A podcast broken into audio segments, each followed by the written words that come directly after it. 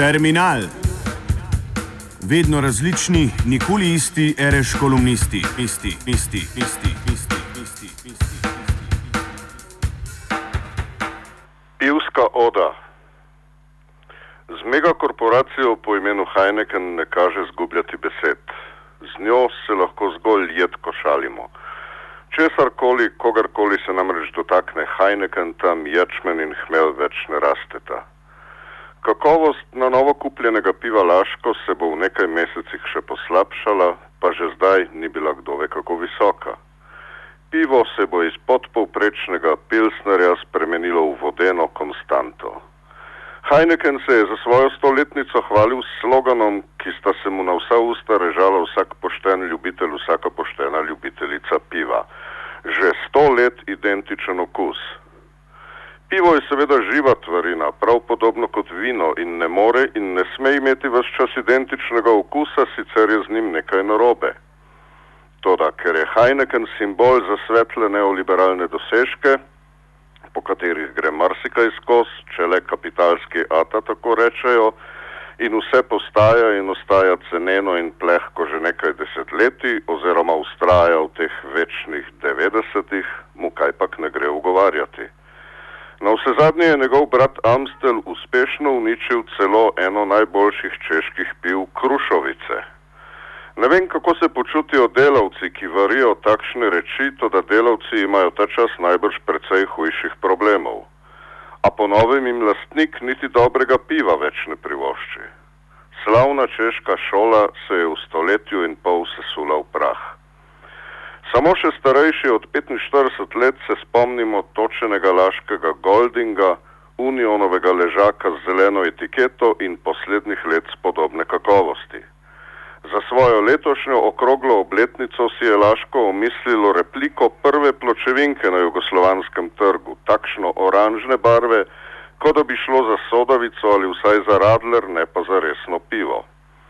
Seveda danes niti nihče med starimi ne prepoznati pločevinke, kaj ti piva tedaj, v zlatih letih Goldinga ni nihče pil tako. Pilo se je bodi si iz flaše ali pa točeno. A je satirik vendarle pomerjen.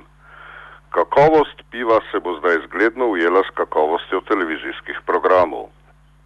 Naslednja stopnja je vredna najboljših domislic iz zgodovine sovjetske znanstvene fantastike. Pivo in televizija se bosta zlila v eno samo neprebavljivo gmoto, sintetično godljo, iz katere bomo splavali samo s posebno disciplino, ki se je reče askeza, oziroma bomo zapravljali težke denarce za kakovostno pivo. Ko je imel prijatelj Erik v Utrehtu sredi 90-ih s tremi pajdaši krasno malo pivovarno Delekere, je Heineken potreboval eno leto in pol, da jih je uspešno dotolkel.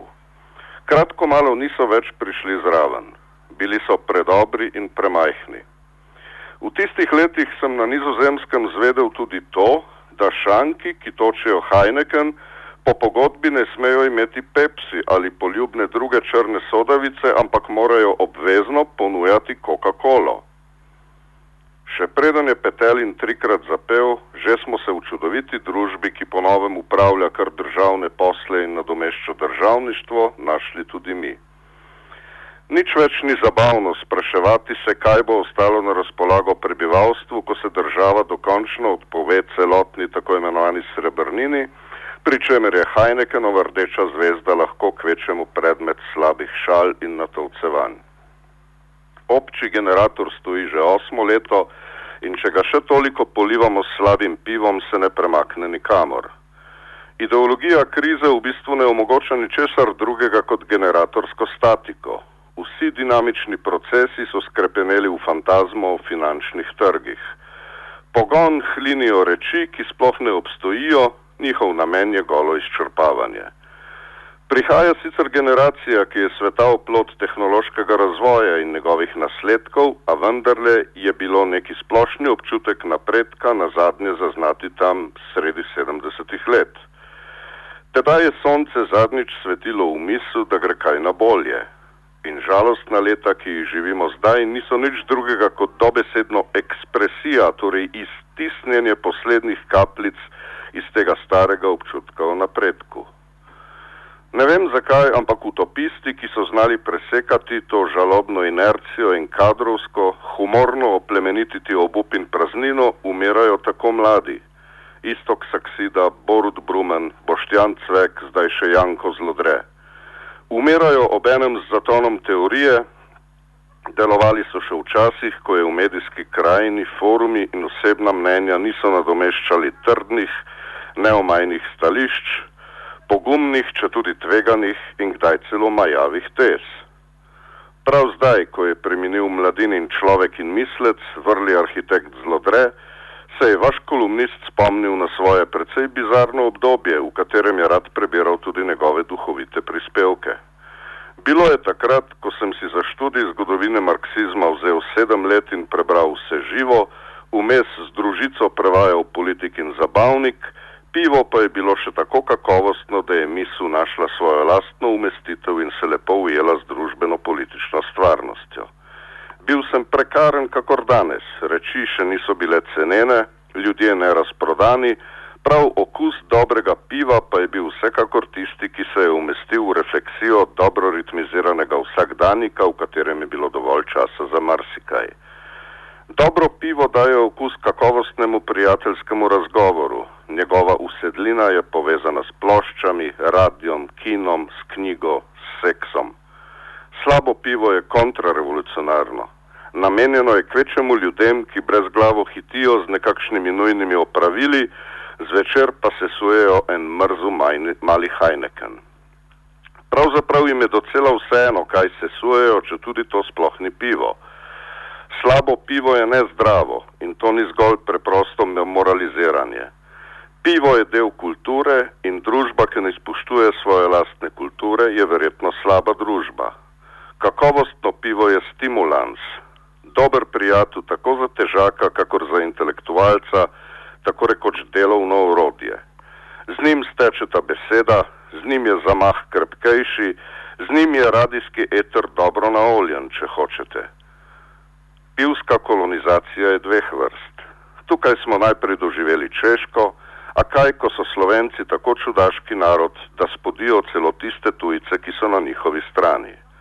V svoji iracionalnosti in zmedi smo potem dopustili še kolonizacijo številka dve, torej udarec Heineken. Ko je že vse kazalo, da pivo ne more biti slabše, je prišel še en stric z gnilega zahoda in pokazal svojo moč.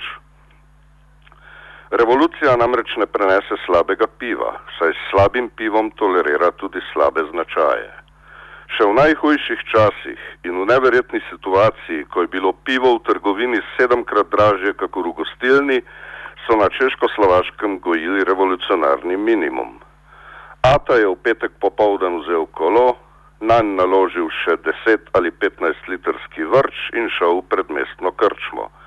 Tam je spil vrček, dva, tri, požlobudral s tovarišijo za šankom, potem pa napolnil vrč, da je imel pivo za vikend še doma kjer je najbrž potem nasanjal kakšno mično o svetli prihodnosti in podobno spodbudnih rečeh, od hokejske tekme do najnovejšega kritičnega romana, klasične glasbe in nazaj. In kar je najlepše, dobri pivski momenti nimajo nobene zveze z alkoholizmom. Heineken pa jo verjetno ima, saj ljudi peha v obup in prinaša nesrečo. Zdravo!